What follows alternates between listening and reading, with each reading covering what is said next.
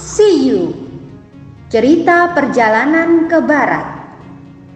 Ditulis oleh Wu Cheng En Diterbitkan oleh Buana Sastra. Selamat mendengarkan.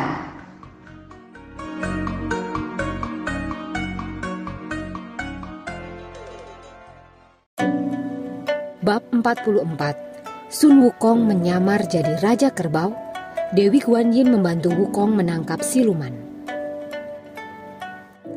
Ketika Sun Wukong yang menyamar jadi lalat mendengar Hong Hai Er akan mengundang Raja Kerbau, tentu saja dirinya menjadi sangat girang.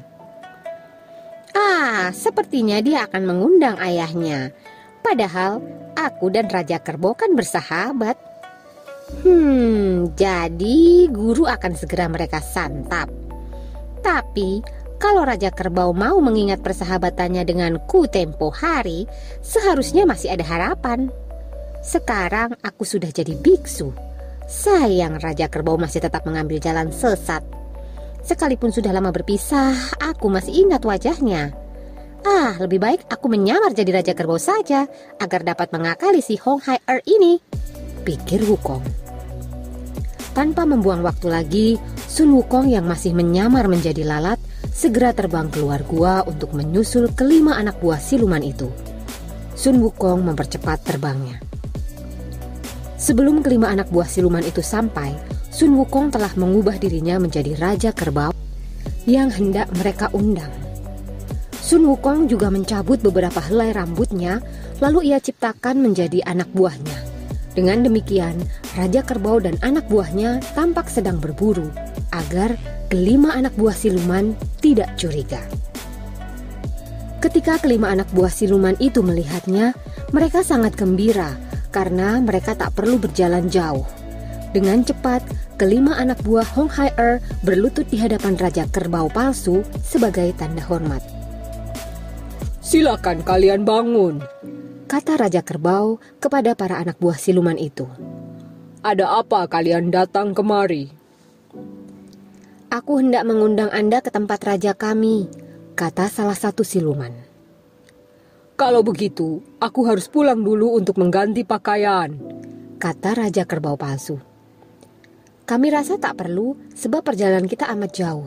Jika terlalu lama, kami takut raja akan marah, kata salah satu siluman. Mendengar ucapan itu, Raja Kerbau palsu tertawa. Oh, anak baik. Baiklah kalau begitu. Sekarang silakan kalian jalan di depan. Kata Raja Kerbau palsu girang karena penyamarannya tak diketahui. Kelima anak buah siluman itu sangat gembira. Mereka bergegas berjalan di depan, sedangkan Raja Kerbau palsu bersama anak buahnya mengikuti dari belakang. Tak berapa lama, mereka pun sampai di muka gua Hong Hai Er. Anak buah siluman yang bernama Kuai Ruafeng dan Jiruho segera masuk untuk memberi kabar pada Hong Hai Er. Raja Kerbau pun disambut Hong Hai Er dan anak buahnya. Sun Wukong yang tahu sifat-sifat Raja Kerbau bersikap keagung-agungan seperti sahabatnya itu. Hong Hai Er kemudian memberi hormat kepada ayahnya itu. Bangunlah anakku, kau tak perlu menjalankan adat istiadat terlalu resmi, kata Raja Kerbau palsu. Ada apa kau mengundangku? Ayah, Aku telah berhasil menawar Tong Sancong dan Cubaji. Aku bermaksud menyantap Biksu Tong agar bisa berumur panjang, kata Hong Hai Er. Mendengar ucapan anaknya, Raja Kerbau palsu pura-pura terperanjat. Eh, tadi kau bilang Biksu Tong? Biksu Tong yang mana? Tanya Raja Kerbau. Biksu Tong yang akan bersiarah ke barat untuk mengambil kitab suci, ayah. Jawab Hong Hai Er. Hmm, kalau begitu, dia guru Sun Wukong. Benar ayah. Mendengar jawaban Hong Hai Er, tiba-tiba Raja Kerbau Palsu menggoyang-goyangkan tangannya sambil berkata, Oh anakku, ku harap jangan kau ganggu dia. Kau boleh mengganggu orang lain, tapi tolong, Sun Wukong jangan kau ganggu. Kau tak tahu riwayatnya. 500 tahun yang lalu dia pernah mengacau di langit. Dia itu sakti dan ilmunya tinggi. Jika kau bentrok dengannya, aku khawatir kau akan celaka anakku kata Raja Kerbau Palsu. Maaf ayah, kurasa ucapanmu tadi terlalu dibesar-besarkan. Padahal Sun Wukong bukan apa-apa bagiku. Kenapa ucapan ayah seperti merendahkan kepandaianku? Buktinya, di depan matanya aku berhasil mencurik Biksu Tong. Ketika dia datang memohon agar ku kembalikan gurunya, permohonannya kutolak. Bahkan, sekarang pun aku berhasil menawan Cubaji. Si babi tolol itu kutaruh di dalam kantong kulit wasiat Ruyi Zuang. Kusiapkan untuk santapan anak buahku. Sementara itu, Biksu Tong sengaja kusiapkan untuk kita santap bersama. Itu sebabnya ayahku undang datang. Ujar Hai Er. Raja Kerbau Palsu tertawa mendengar penjelasan Hong Hai Er. Anakku, rupanya kau terlalu mengandalkan api samadi. Padahal kau belum tahu Sun Wukong itu pandai mengubah diri sampai 72 macam, kata Raja Kerbau. Aku bisa mengenalinya, ayah. Aku yakin dia tak akan berani datang lagi ke tempat ini. Ucap Hong Hai Er. Mendengar ucapan Hong Hai Er, kembali Raja Kerbau palsu tertawa. Benarkah kau bisa mengenali Sun Wukong jika dia datang dengan menyamar? Misalnya menjadi serigala? Bagaimana kalau dia menyamar jadi binatang kecil? Tanya kerbau palsu. Sekalipun dia menyamar jadi makhluk kecil atau kutu kecil, aku yakin dia tak akan mampu masuk kemari. Sebab gua ini dijaga ketat sekali, ayah. Jawab Hong Hai Er. Jangan sombong anakku. Kau pasti tak akan sadar jika Sun Wukong menyamar jadi lalat atau kutu kecil. Siapa tahu dia menyamar jadi aku misalnya. Mana mungkin kau bisa mengenalinya? Kata Raja Kerbau. Ayah, Jangan khawatir. Sekalipun dia pemberani, aku yakin dia tak akan berani datang lagi kemari. Kata Hong Hai Er. Hmm, kalau begitu baiklah anakku. Kau memang gagah dan berani. Aku bangga sekali. Kata Raja Kerbau Palsu. Jadi, kau undang aku hanya untuk menyantap daging biksu tong? Benar, ayah. Ah, sayang sekali. Aku tak mau memakannya. Eh, kenapa begitu, ayah? Usiaku sudah lanjut, apalagi ibumu menasihatiku agar aku mengubah sifatku. Dia meminta agar aku berbuat baik. Menurutku, berbuat baik yang paling sempurna adalah pantangan memakan barang berjiwa, kata Raja Kerbau Palsu. Jadi, ayah sedang pantang memakan barang berjiwa. Apa pantangan yang ayah jalankan itu hanya beberapa hari atau beberapa bulan saja? Tanya Hong Hai Er. Oh, tidak selamanya. Aku pantangan barang berjiwa hanya empat kali sebulan. Orang menamakannya Lei Chai.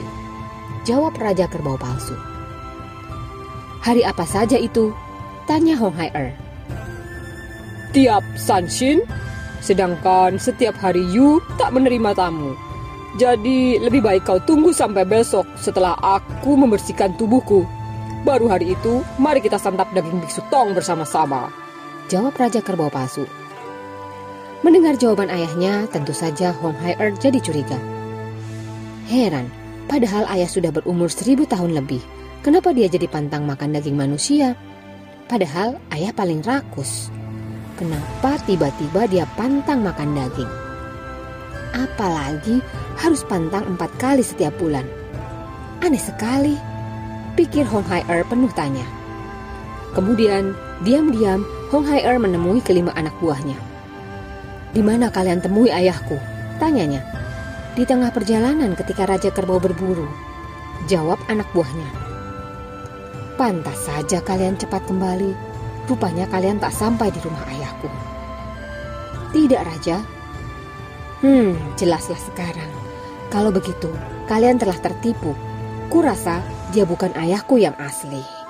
Kata Hong Hai Er. Mendengar ucapan Hong Hai Er, kelima anak buahnya terkejut. Mereka segera berlutut dan meminta maaf. Tapi, kenapa raja sendiri tak mengenalinya? Tanya salah satu siluman. Wajah dan gerak-geriknya mirip, tapi suaranya beda. Kata Hong Hai Er. Aku yakin dia bukan ayahku. Kurasa kalian harus waspada. Jangan lupa, sediakan tambang. Aku akan mendesaknya sampai aku bisa membuka rahasianya. Kalau benar ayah, sampai sebulan pun dia tak memakan daging manusia, itu tak mengapa. Tapi dia ternyata bukan ayahku. Kalian akan kuberi tanda agar cepat bertindak menangkapnya. Ujar Hong Hai Er.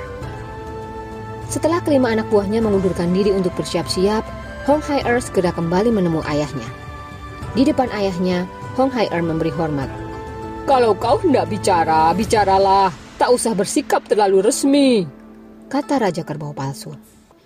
Namun, dengan tetap berlutut, Hong Hai-er berkata, Ayah, selain aku mengundangmu untuk makan daging biksu tong, aku juga mau membicarakan tentang pertemuan dengan guru Tao Dao Ling Zhang. Kata Hong Hai-er. Oh, maksudmu guru besar Tao Zhang Daoliang, anakku? Kata Raja Kerbau Palsu. Benar, Ayah. Apa katanya? Ketika kami bertemu, dia menanyakan berapa usiaku, hari dan bulan apa aku dilahirkan. Katanya dia ingin meramalkan peruntungan dan nasibku. Karena itu, tolong, ayah beritahu aku, kapan aku lahir. Nanti, bila aku bertemu dengan Guru Zhang, aku dapat mengatakannya dengan pasti. Kata Hong Hai-er. Mendengar pertanyaan itu, Sun Wukong tersenyum. Sungguh cerdik siluman ini. Sejak aku ikut guru, entah berapa banyak aku menaklukkan siluman. Tapi belum ada satupun yang secerdik Hong Hai-er. Ah, aku tak boleh salah menyebutkan tanggal lahirnya. Apalagi aku tak tahu apa-apa mengenai tanggal, hari, serta bulan kelahiran siluman ini. Pikir Wukong. Sun Wukong berusaha menyembunyikan wajahnya yang kebingungan. Tiba-tiba ia tertawa. Anakku, bangunlah. Karena aku sudah tua, tanggal lahirmu aku sampai lupa. Lebih baik kau bersabar. Besok akan kutanyakan pada ibumu. Ucapnya. Aneh sekali, bagaimana mungkin ayah bisa melupakan tanggal lahirku? Tanya Hong Hai-er dengan sikap menyelidik. Padahal biasanya ayah selalu ingat.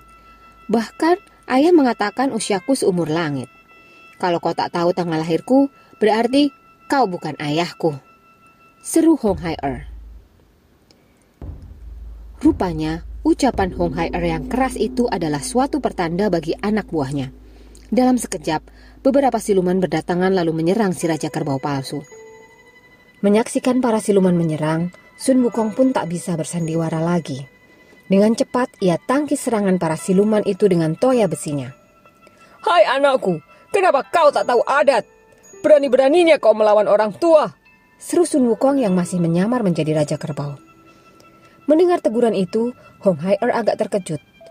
Karena itu, ia pun lengah. Kesempatan itu tak disia-siakan oleh Wukong. Dengan cepat, ia berlari keluar gua. Wukong pun berhasil.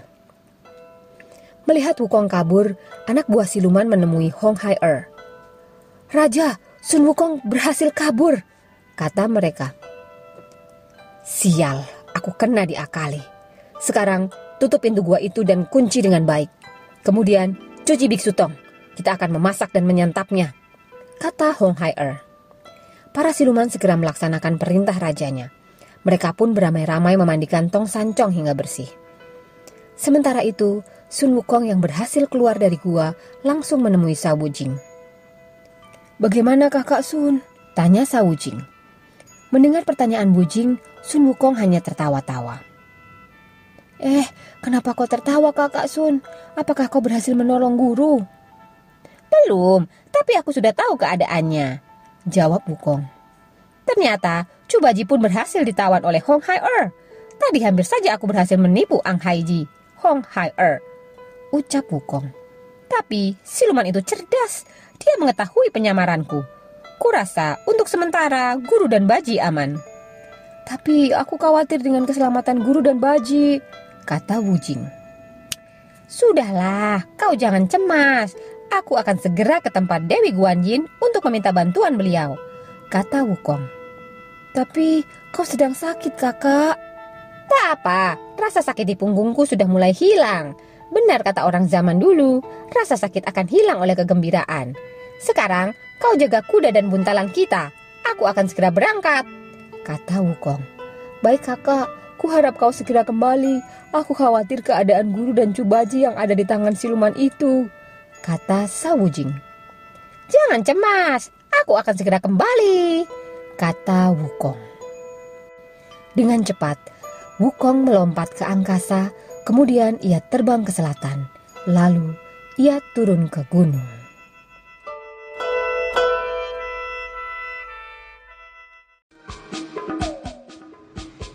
Dengarkan kisah selanjutnya. Terima kasih.